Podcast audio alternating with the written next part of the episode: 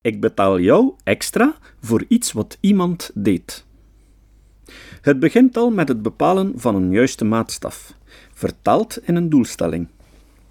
In 80% van de functies kun je geen zuivere individuele prestatiedoelstellingen afspreken.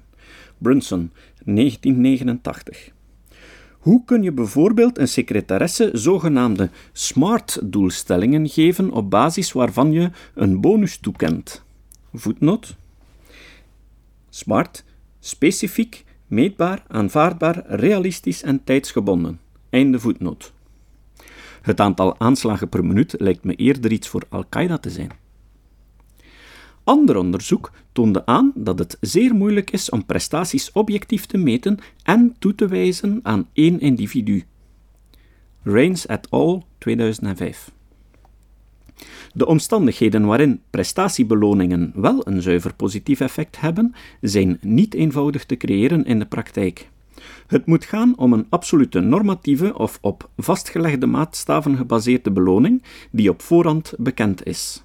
Dus de medewerker weet wat hij extra zal verdienen als hij een bepaalde doelstelling haalt. In dat geval wordt zelfs de intrinsieke motivatie verbeterd. Eisenberger, Roades en Cameron, 1999. Hulford et al. 2002. Experiment 2. Piers et al. 2003. Maar het is niet gemakkelijk om aan al deze voorwaarden te voldoen. Er wordt bijna altijd op drie manieren gezondigd. 1. De doelstellingen zijn vaag. 2. De medewerker heeft zelf geen controle over de doelstellingen. Of 3. De evaluatie van de prestatie houdt een sociale vergelijking in.